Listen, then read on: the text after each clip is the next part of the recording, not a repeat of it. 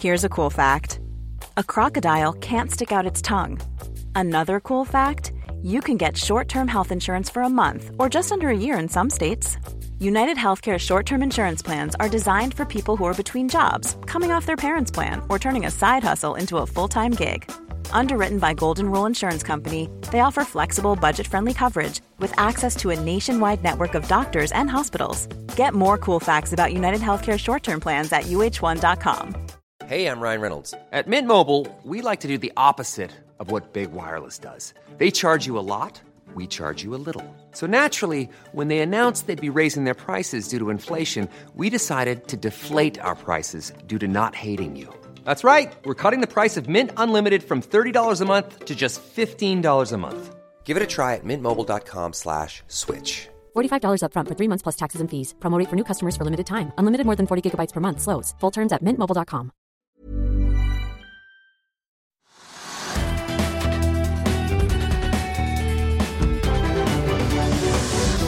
Hei og velkommen til Økonominyhetene. I dag har vi med oss investor Philip Sissener. Og det skal dreie seg om hva som skjedde i går kveld, da Norwegian plutselig fant ut at de trengte mer penger. Vi skal også ha teknisk analyse av Norwegian, men vi begynner på Oslo Børs. Trygve. Ja, og det er ganske kjedelig. Altså, Markedet var jo helt flatt i går, og det er paddeflatt i dag også.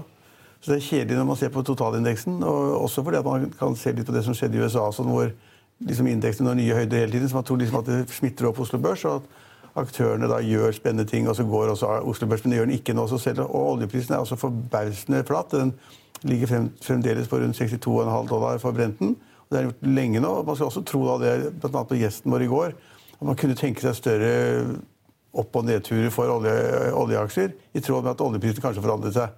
Men, og, de såkalte oljeaksjene, altså Aker BP og Equinor, de ligger altså da bitte lite grann uh, ned, tenker jeg. Litt grann ned.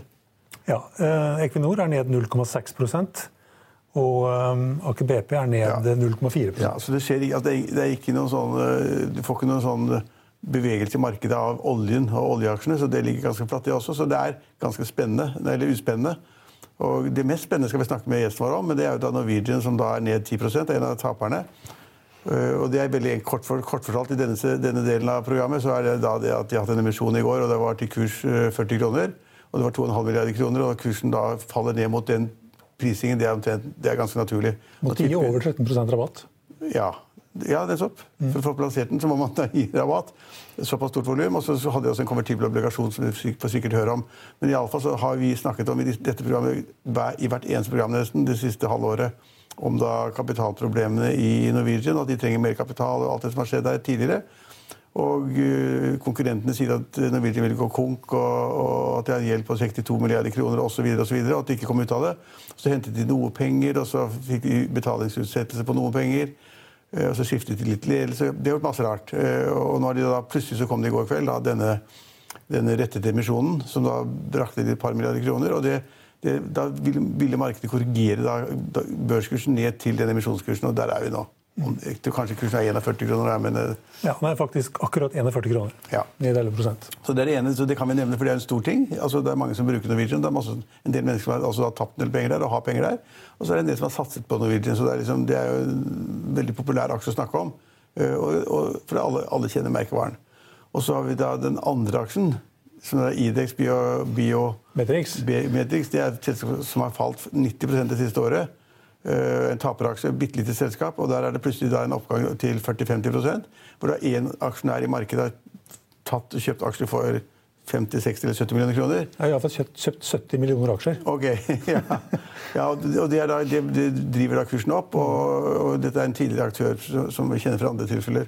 Så det betyr ikke noe, men det er sånn fingeravtrykks... Sånn identifikasjon via fingeravtrykk.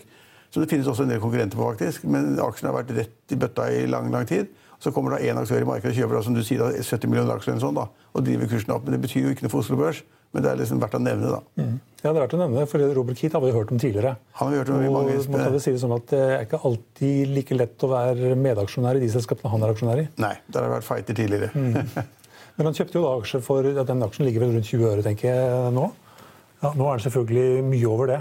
72 øre.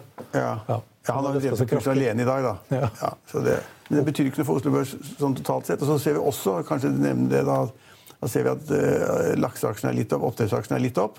Fordi at den trusselen som var da med ny beskatning, av grunnrentebeskatning av, av oppdrettsselskapene, den blir neppe noe av. Jeg skrev en leder om det i Finansavisen i dag også. og Den blir ikke noe av.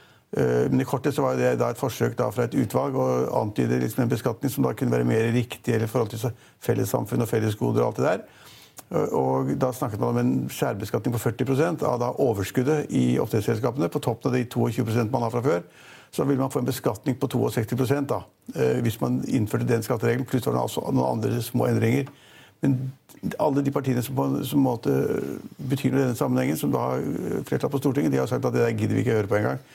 Det forslaget fra det utvalget legger vi rett i skuffen. Og det kommer til å skje også, etter min oppfatning. Og Derfor så puster da oppdrettsnæringen litt ut da, og tenker at vi får i hvert fall ikke den skatten.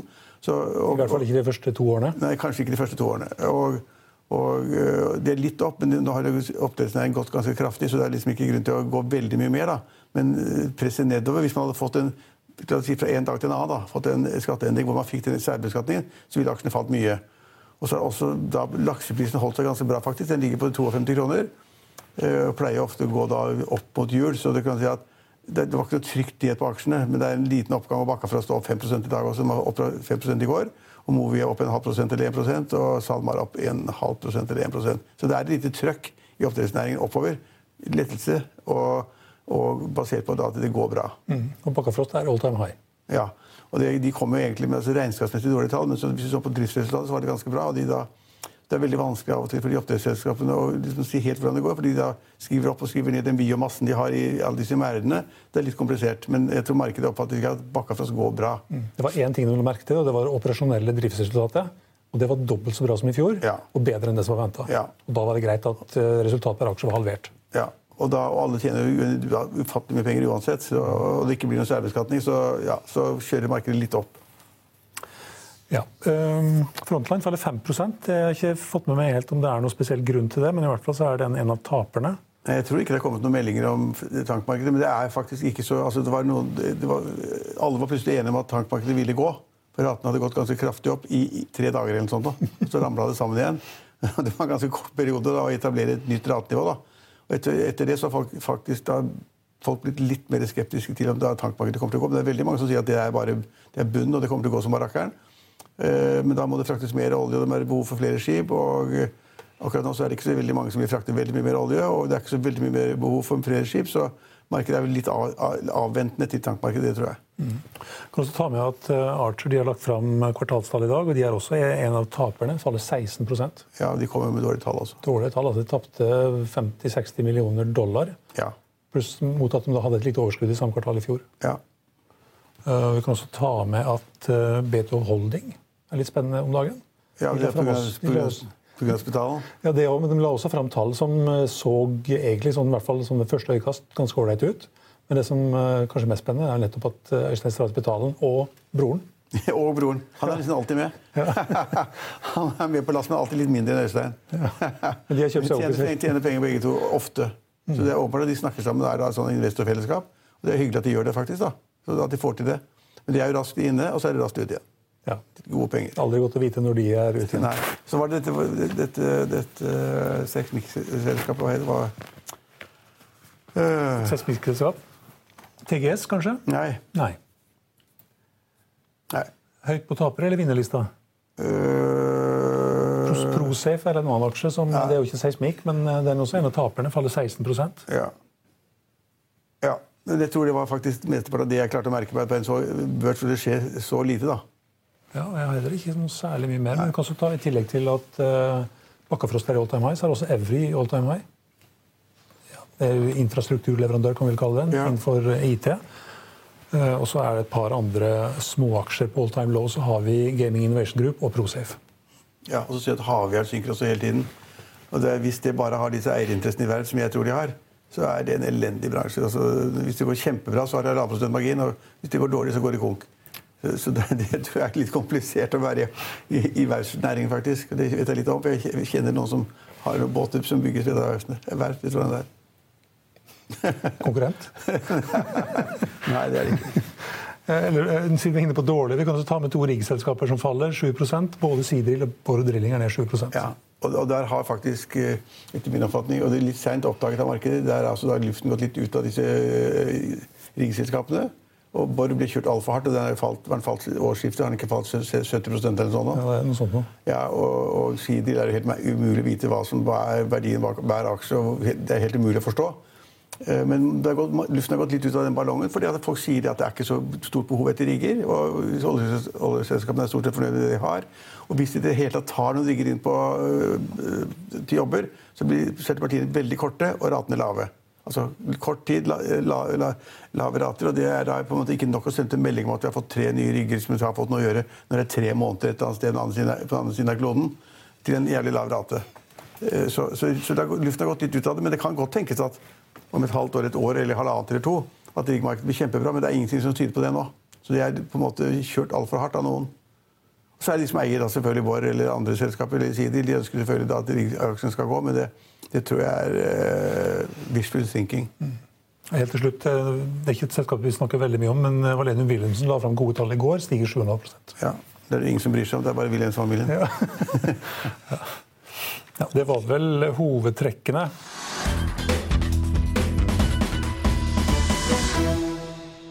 Vi skal gå videre. Vi har fått med oss eh, en gjest, Philip Sissener. Eh, Du hadde det ganske morsomt i går kveld, som jeg forsto. Eh, Og vi kan se på en forside fra Finansavisen her fra 10.9. Og der sa dere det at eh, dere får godta vår plan eller gjøre en emisjon. Du må vel si at Jan Petter er faren, da. Ja. Jan Petter han er den morske, og så er eh, Philip den som ser litt snillere ut. Ja, Det var ikke helt det, kanskje, men, eh, men eh, vi hadde i hvert fall eh, Det begynte jo enda før. Vi tok jo kontakt med dem etter andre kvartalstallene i sommer. Da var vi vel syvende og åttende største aksjonær og desidert største kreditor i de usikrede lånene. Og så prøvde vi å være konstruktive og si at her ser vi åpenbart at det kommer et et behov for kapital inn mot vinteren. Da gjorde det i fjor, og da gjorde det i forfjor. Og i år har dere enda mindre cash enn dere hadde de to årene. Eh, og så hører vi ikke noe fra dem. Før de vanligvis så, blir man jo tatt over veggen, gjort til innsider, og så finner man en deal på bakrommet som alle er fornøyd med. ikke sant? Men her, eh, her kom de med noe ut av det blå som egentlig ikke var noe særlig gjennomtenkt, vi, synes vi. da. Og vi hadde lenge med oss en, en stor gruppe med medobligasjonseiere, kaller vi det, som, som ønsket å gjøre en del endringer til de eh, opprinnelige forslagene som kom fra selskapet. Eh, og så klarte de å splitte og herske litt med den gruppa, sånn at eh, vi fikk inn noen av endringene, men ikke alle. Og så ble det sånn. Men det gjør veldig mye fordi at dette obligasjonslånet skulle opprinnelig forfalle nå i desember på, på 100 i kurs, det det de pleier. ikke sant? Og bare det at vi fikk løftet den opp til 105 neste år og året etter der, gjør at den handler mye nærmere 100 nå, slik den opprinnelig skal gjøre. Ja, De fem kronene var ganske viktige, faktisk. de. Det var, Fordi når folk det regner de- yield og IRR og yield to worst, Ja. som det så pent heter, så er det faktisk veldig viktig. Og så ble det emisjonen, så var ikke det så ille, kanskje. Nei, men vi skulle gjort emisjonen med en gang. Og så er det tullete å ha så dyr gjeld. Det ligger jo og betaler. Det er ingen som betaler 6,5 rente på en konvertibel heller. Siste jeg husker som, som gjorde det, var faktisk REC. Men er ikke den, kom- den konvertibelen som ble stemt i går, er ikke den på øh, 6,5 Ja, eller ja, sånn? ja. Men det er jo dyr, dyr, Det er dyre penger, det òg. dyre penger. Og, og, og med en strike som er 10 opp fra gårsdagens sluttkurs mind you, det er, Men nå sa din far i et eller annet intervju som jeg ikke har sett, at dette er kjempebra. Ja, ja, det er jo kjempebra. Påfyll av kapital er alltid bra for kreditorer. Ja. Det er vi enige om. det, så dere har ikke aksjelenger, dere har bare andel i lånene? Vi har andel i lånene, helt Ja. riktig. ja. I det nye obligasjonslånet så fikk du jo også faktisk en garanti fra dette selskapet som heter uh, Arctic, Asset, nei, Arctic Aviation Assets DAC. Datterselskapet til Norwegian. Datterselskapet som eier alle flyene. Så i den grad det er noe merverdi i flyene, og det er jo det de argumenterer sterkt for selv, og som vi har sett når de har solgt fly, ikke sant? du ser at de frigjør både cash og det har en positiv PNL-effekt, altså balanseeffekt. Så, så der har jo vi da, eller det nye lånet som kom nå, den konvertibelen, har jo en garanti derfra. Okay, men Som det- renker da foran alle andre kreditorer ut, utover det som har pant direkte i Jeg trodde hele lånet var usikret, ja, men det er en sikkerhet, altså. Ja, det er en sikkerhet, men det er sånn kvasisikkerhet hele tiden. ikke sant? Du er garantert av et datterselskap som har masse annen gjeld i seg. Ja. Hvert fly er jo enten leaset inn eller, eller belånt. Men, men i den grad det er noe egenkapitalverdi der, så tilfaller den denne obligasjonen Så først. du har litt grep om halen? Før du går opp til de usikrede og deler på resten av boet. Men, men Det, det, kommer ikke noe bo der, altså. Men, nei, nei, det skal men, men det konvertible lånet var på 150 millioner dollar, Det var på 150 dollar. og kjøpte dere inn i det? Kjøpte oss litt inn i det. Ok, Og, og dere har allerede de gamle lånene? Ja. Ja, Så dere er långiver til Norwegian? Og får gode renter for det. Og vi, ja, får ålreit rente for det. Og så, og, og så må de hente penger hele tiden. Og nå hentet de altså 2,5 milliard. Men fremdeles sier jo da mange markeder at det er ingenting. Det er selvfølgelig bedre enn null. Det holder en gjennom vinteren. og Nå gjør de mye smart operasjonelt. Eh, vi tror jo at rekkefølgen kunne vært bedre og annerledes her. Hadde du hentet egenkapitalen først, og kanskje hentet nok egenkapital til å ta ut disse dyre lånene, så hadde du kanskje fått en annen pris for Bank Norwegian-aksjene dine også. For en presset selger får jo en dårligere pris enn en som ikke er presset. Kunne du fått bedre rente på lånet òg, kanskje? eller? Ja, Det er ikke noe vits å ha sånne lån. Mm, Nei. Hvis du ser på de andre, de andre flyselskapene i Europa, ja, Easy, EasyJet og Ryanair, de funder seg på 1-2 ikke? Ja, Det er en helt annen balanse. Som, og da, da får du ikke dette problemet som de nå har med innløserne. øh, altså det som Kredittkortselskapene de holder jo igjen penger helt til flyvningen har skjedd. For ellers har jo du som forbruker krav på å få tilbake pengene fra kreditt- kredittkortselskapet. Eh, der har de jo tidligere kunnet belånt denne receivablen som de har fra, fra kredittkortselskapene. Men det mot såkalte innløsere. Men de har nå sagt stopp. De har tapt mye penger på bl.a. Thomas Cook-konkursen. Og da ønsker de ikke å kjøre den risikoen mot høyt belånte flyselskap lenger. Det er unnskyldningen de bruker nå på den siste emisjonen. i hvert fall. Men, men du er renteekspert. eh, Altså er liksom Norwegian det beste papiret du kan få til 6 Nei, nei, nei. du, det, du glemmer at du har en underliggende call-opsjon der og en garanti, altså et pant. Ja. indirekte pant Jeg vil fra dette det at det finnes en del andre sånne industriobligasjoner Ja, hvor du får masse. Annet. Men kan ikke, jeg, gir jo ikke bare ett lån, da. Nei, nei. nei, nei men altså Og så er jo denne type risiko det har vi jo faktisk inne i aksjefondet vårt. I det nyoppstartede kredittfondet som, vi- som vi startet i mars i år, så har vi ikke den type risiko. Hvor mye penger hadde dere lånt til Norwegian? Nei, Det er bedre å se på det som en prosent av porteføljen, egentlig. Og det er rundt 5 I'll see you in court. Vi sier det ofte litt på spøk, men for deg som driver business, er det aldri moro å innse at du ikke har laget en 100% gyldig kontrakt. Du bør ikke risikere hele firmaet ditt fordi du synes dette med kontrakter er litt stress. En avtale er ikke en avtale. Du kan miste kunder, miste venner, ja, til og med miste inntekter om du ikke lager en skikkelig kontrakt, på alt mulig, egentlig. Men vi vet det er et styr. Kopimaskiner, tregprinter og haugevis av papir. Dessuten stoler vi jo på folk her i landet. Det er ofte litt kleint å skulle be om en signatur for alt mulig, ja, for mye av styret handler også om jakten på underskriften. Det finnes en enkel måte å løse dette på, Dukkobit, en trygg, effektiv og get this, gratis måte å sikre seg en god natts søvn pluss en juridisk bindende avtale. Dukkobit-appen har de strengeste sikkerhetskrav i bunn, samt en EU-godkjent og sertifisert teknologi. Framover vil det bli behagelig å spørre du, skal vi skrive under på det, eller? Kom i gang på dokobit.no. av Canopus. Men der har vi også likhet og hedget, altså dvs. Si sikret oss imot i aksjen. Eh, og det var jo bra da den falt 14 i går, og vi kunne dekke oss inn. Ja. Eh, og vi tilfører jo selskapet egenkapital, så det er, jo, det er jo absolutt en måte å gjøre det på. ja, på emis- i emisjonen, ja. Ja, ja. Ja. ja. Men er, men er, det, er det vits å være i flyselskapet? Er liksom det ikke sju-åtte selskaper som har gått konk i år? I, i hvert fall ifølge Reiner-sjefen, som mener at Norwegian skal gå når som helst. Han har sagt det i ti år, da, men, men eh, altså, flyselskapet så var Siste melding jeg så før jeg gikk hit nå, så var det at eh, Lufthansa skal ha streik torsdag og fredag. Og eh, 1300 eh, eh, avganger er kansellert. Det er vel bra det for Norwegian? Det er bra. Det er bra for Norwegian. Men, men, men det liksom viser noe hvor vanskelig det er. og Det er en arbeidskonflikt. ikke sant? Og så bare skrur man av kranen, og så går det ikke noe fly på to dager. Det er, Det er et par ting med Norwegian. Altså, for det første så har de jo en, en strategisk posisjon nå så, som er helt fantastisk. Og de har gjort veldig mye for folk derfor vi reiser. Kan du fly direkte til Trondheim til Ja. Syden og Bergen til Syden. Før måtte alle innom Oslo. Og skulle du fra Oslo enkelte steder, så måtte du innom København. Eller, eller Frankfurt. Eller altså alle disse hubene. Norwegian startet punkt-til-punkt-flyvninger. ikke sant? Det er fantastisk. Og de har fått opp De har jo 10-12% markedsandel på, på Gatwick. Det er ganske bra. Det er noen tagere av det her. altså, vi, ja, I det er- er- verste fall. ja. Ikke sant? Så, så det å være kreditor her er ikke så farlig. Å være aksjonær kan være superspennende.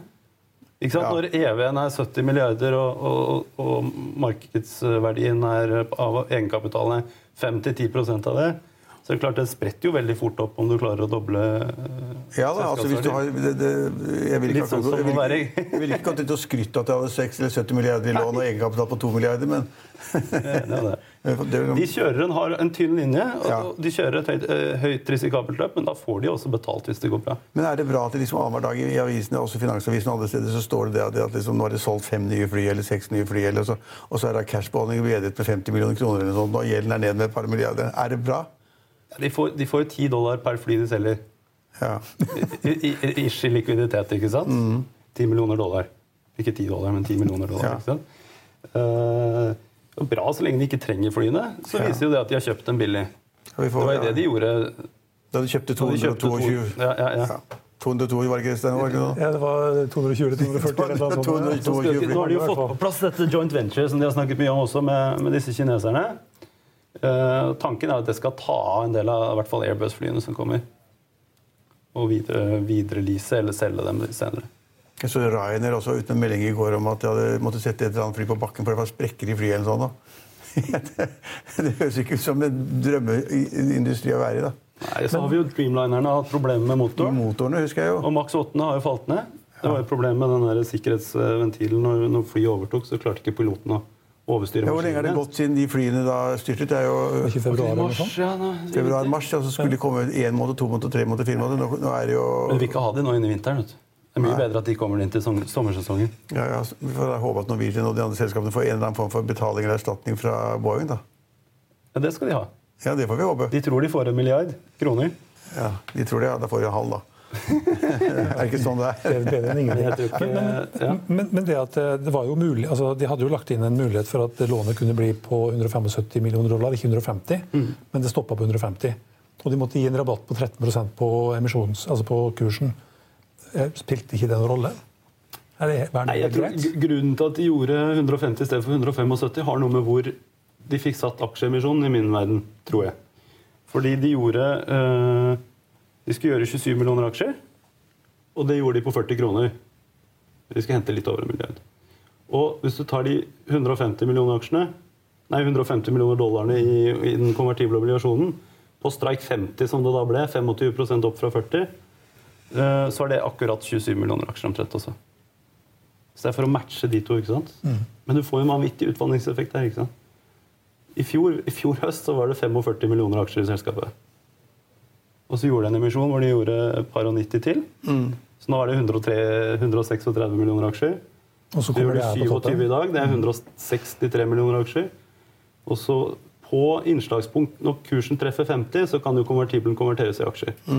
Så på kurs 50 så har du 190 millioner aksjer sånn cirka, før, eh, før tegningsrettsemisjonen til minoritetsaksjonærene. Ja, og Skulle ikke ha en reparasjonsemisjon Ja, det var den det jeg mente. Altså, den, det jeg ikke tegningsrett, men reparasjonsemisjon. Ja. Så det kommer vel noen eh, aksjer inn der også. Ja, 7 millioner. Hvis du da tenker at budet var 10 milliarder fra, fra IAG eh, i forrige fjor, som er rundt det ryktene sier, at budet var på 250 kroner og, og tilbudet fra Sjoso Co. var på 350 Men eh, det var jo på en helt annen antall aksjer, ikke sant? og før masse problemer. Så, så 10 milliarder market cap i dag, det er 50 kroner aksjene. Ja. Det er omtrent riktig. Ja. Ja. Og så var det et annet antall aksjer her òg. 12,5 millioner såkalte hedging-aksjer. Hva var det for noe? Ja, Da sikter du til de som Folketrygdfondet og HBK, HBK lånt ut til- så, så ja. Kise skal låne ut til, til shorterne. og det er jo, Konvertible er jo ganske u, uh, det unormalt produkt i Norge. Det er sjelden man ser det. Fredriksen-systemet har brukt det mye, både på Seadrill og Frontline historisk, og på Marine Harvest også. Eh, forrige uke, eller Tidligere denne uken så kom jo BVO også med en konvertibel. Eh, det er jo ofte spesialfond som tar dette rene arbitrasjefond, som spiller da delta, altså spiller volatilitet, mellom aksjen og disse obligasjonene pga. renteelementet. En sånn konvertibel obligasjon, du kan jo se på det som en obligasjon med en innbakt call-opsjon på aksjen, altså en kjøpsopsjon, gitt en spesiell kurs. Den er jo nå 50 på Norwegian. ikke sant? Eh, Men de ønsker ofte å shorte de aksjene de får i fanget på kurs 50 allerede nå. Og, for at de, og det har vært umulig å shorte, altså nesten umulig å få tak i lån i aksje, aksjen i Norwegian. ikke sant? For, for å shorte en aksje, så må du jo først låne inn aksjene. Kjos lånte, jo ut masse, gjorde ikke Kjos låner ut, det får han god rente på hvert år. det? En fin inntektsstrøm, det. Ja, men det er- det er litt spes når da liksom han som har stiftet selskapet og er konsernsjef, de vil shorte, ja, låner ut aksjene for shorting hele tiden. Jeg syns det er litt spes, da. Ja, men han får god rente. Nå betaler vi, Det vi betalte sist, var vel 7-8 rente på å låne aksjer. Ja, ok. Så hvis du er langsiktig aksjonær, så er det ikke noe veien for å låne De 50 aksjer. kronene, var det litt snilt, eller var det Hvilke 50 kroner? Nei, de, ja, den, den, den strikeprisen. Nei, Det var vel noe de det Det var det investorene ønsket. Ja. De sa ok, vi, har- vi, vi, har- vi vil ikke Vanligvis så gjør man jo eh, eh, sånne konvertibler på en volumvektet Altså en, en premium til en volumvektet uh, aksjekurs over en dag eller to. På BVO var det én dag. Men da setter du liksom 30-35 over. ikke sant? Her ble det satt 25% over emisjonskurs. Det var jo forhåndsavtalt. sannsynligvis. Ja, ja, men var det snilt? Noen store. Var det, Snilt, jeg tror ikke. var det markedet? gjør du noe valg? Det markedet gjør hva markedet vil. Ja. Eh, det er vel sånn det er. Det, de, Det er, det er jo bare et resultat av tilbud og etterspørsel. Ja, ja. Trafikktallene også kom helt plutselig i går kveld. Var det noe som dere og de som skulle tegne, ville ha før det, før det ville tegne, eller? Vi, ble, vi har jo ikke vært involvert der før, øh, før vi så pressemeldingen i går. Og vi var på reise egentlig stort sett alle sammen. Jeg satt på et hotellrom i Bergen i går kveld eh, før jeg skulle presentere for et, et stort seminar. Og Og din far var ikke helt sikker på om han var i Kristiansand eller Stavanger? Nei, han var i Kristiansand. det burde han jo vite. Men uh, så Nei, altså de trafikktallene vet jeg ikke, det spiller ikke noen rolle. sånn. Jeg tror ikke jeg Det tror jeg ikke Det var et kapitalbehov. Nå har de ryddet opp i det. Nå, nå, nå tror vi de kommer seg i hvert fall gjennom vinteren. Og så gjør de jo mye riktig. akkurat- De gjør mye riktig. Ja, de gjør masse riktig. Men akkurat det samme sa man i forrige emisjonen. At nå har de fått pengene de trenger, og nå går, går det greit. og nå er liksom de, alt. de det er ikke det. Vi er fortsatt åpne for at de, de burde jo hentet mye mer. Ja. Men da er man helt sikker på at det går bra. Nå Ja. går det bra et år til. Halvt år til. Du, du og din far ser ut som dere jobber tett sammen. Ja. Hva er, hvordan er fordelingen her? Hva er du best på? Nei, jeg har jobbet med obligasjoner uh, i ti års tid nå. Fra, fra jeg begynte i SEB i kjølvannet av finanskrisen. Og jobbet med, Da gjorde vi jo alt. Satt vi på desken. jeg på å si. Det var jo rundt da det ble ordentlig Chinese walls. jeg på å si. Men vi holdt jo på med uh, tilrettelegging, analyse og salg av obligasjoner. Og lærte å skrive både låneavtaler og regne på spreddene og hvordan ting skulle prises opp. Også på litt konvertible. Det er ikke jeg noen ekspert, altså, for det, er så sjelden man ser det. Og det er litt annet, dyr. Men, eh, så det har jo egentlig hele, hele veien vært min vei. De siste par årene har jeg forvaltet noe rentefond hos eh, Arctic. Og så begynte jeg hos Sissener for akkurat et år siden omtrent. Hvor mye forvalter dere til sammen nå? Hva er, Vi nærmer oss 3,5 milliard. Okay. Han har, eller han, holdt jeg på å si. Det er ikke han, vi er ganske mange mennesker. Vi er jo 17 stykker. ikke Det er? Jan Pettersen gjør alt, Men vet jeg. utgangspunktet er arbeids, arbeidsfordeling. Gjør alt og bestemmer alt. Nei, han, han er ganske fleks på det der. Altså, fordi vi har veldig mange dyktige medarbeidere. Vi jobber hver dag for våre andelseiere. Vi, vi har vel en sånn eh, 17-18 kollegaer. Og Jan Petter har hovedansvaret for det som heter Sisne Canopus. Ja. Som er dette launch short-aksjefondet, men som også kan spille på litt sånn kapitalstrukturarbitrasje som vi nå har gjort i Norwegian. Som vi tidligere har gjort ganske suksessfullt i både PGS og REC, og nå faktisk tre ganger i Norwegian. Da. Men hvor du kjøper obligasjoner på en underkurs, shorter aksjen imot, i påvente av det man tror er en emisjon. Og så Obligasjonene er jo opp fra 90-kurs til, til nå 7-98 i dag. Og så har vi fått dekket oss en emisjon som, hvor aksjen falt 15% som vi var short i utgangspunktet. Det eneste stedet det ikke har fungert hvor vi har gjort, prøvd å gjøre det der, har vært i Sidril, faktisk. Da kom vi ut sånn cirka i null. Men da, da falt Da- jo aksjen da til null. umulig, Men obligasjonene falt jo nesten til null da. Så det var jo, men da er det jo hele det der Det er tilbake til den deltaen, ikke sant? Mm. En ting er å spille en konvert mot aksjen, men du kan også spille rene obligasjoner mot konverten. Nei, mot uh, aksjen. Men, men 3 milliarder eller var det, sånn 3,3? Hva? Det er, 3,3? Men Kanopus aksjefond er rundt 3 milliarder. Og så er det nye fondet som, som vi startet i mars. Det har fått 400 millioner nå. Ok, så, okay. så det er, det er en liten, liten andel rente, rente, rentefond, og så er det aksjer resten? Ja, Og så er det litt renter. Eller ikke renter, liker ikke å kalle det rente. Det er kreditt. Ja. Det er kredittobligasjoner, det er ikke sånn makrostat og sånn. Men, eh, men det er i, i Kanope så har vi historisk hatt 15% så det er 450 millioner i kreditt der i tillegg. Og så har vi dette nye fondet, som er et helt eget fond, med litt lavere risiko enn den type obligasjoner som går inn i, i aksjefondet. Og Jan Peter, din far var jo veldig opptatt av i lange tider å fortelle at du hadde familiens penger også i aksjefondet. liksom. Har dere fortsatt det? Ja, ja, selvfølgelig. Det er ikke selvfølgelig det. Nei, vi, det ikke vi trekker de ut igjen. Nei, nei, men kunne finne noe det er jo litt av edgen, ikke sant? Vi bryr oss om det her. du. Ha nytt hus til 50 millioner. ikke sant? Det, må, det er ikke lett å ha alle penger i aksjer da.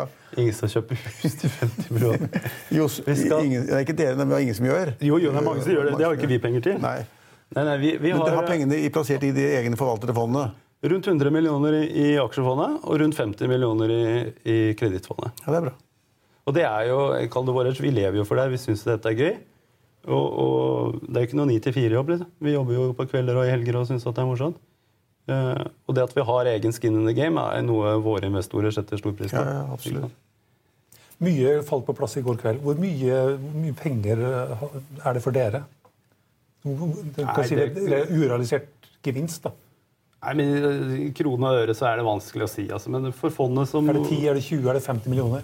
Nei, men for fondet så er en, en, en nettoen av i dag blir vel en, rundt en halv prosent i gevinst isolert sett på Norwegian. Det er bra, det. Siden oppstart så har vi jo levert eh, Hvor mange penger? Nei, det er tre milliarder. det. Altså, det, En halv prosent av 3 milliarder? ja, men det blir jo ikke noe Til kroner og øre så er det jo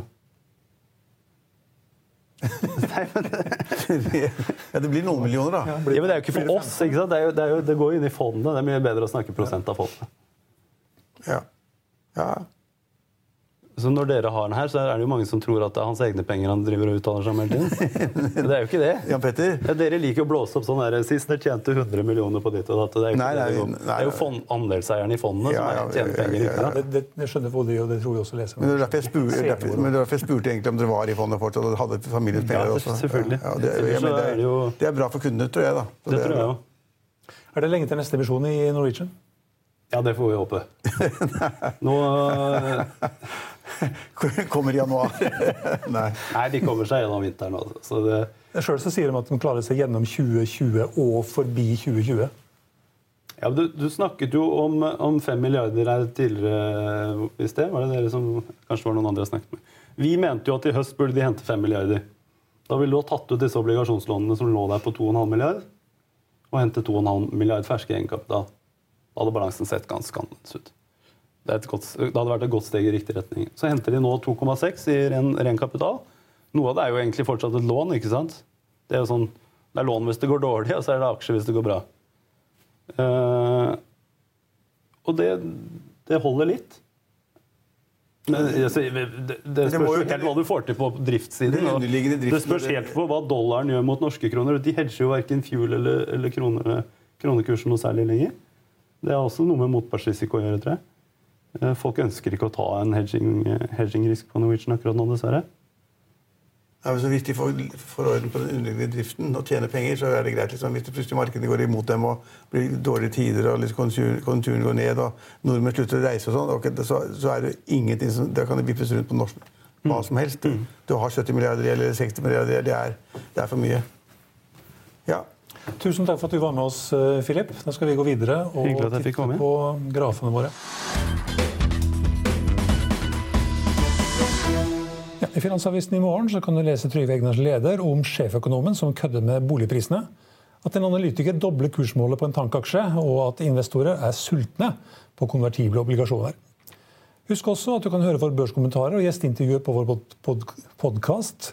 Den finner du på finansavisen.no. slash podcast.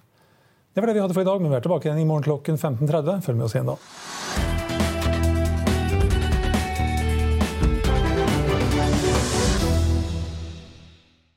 Økonominyhetene er en podkast fra Finansavisen. Programledere er Marius Lorentzen, Stein Ove Haugen og Benedikte Storm Bamvik. Produsenter er Lars Brenden Skram og Bashar Johar. Og ansvarlig redaktør er Trygve Hegnar.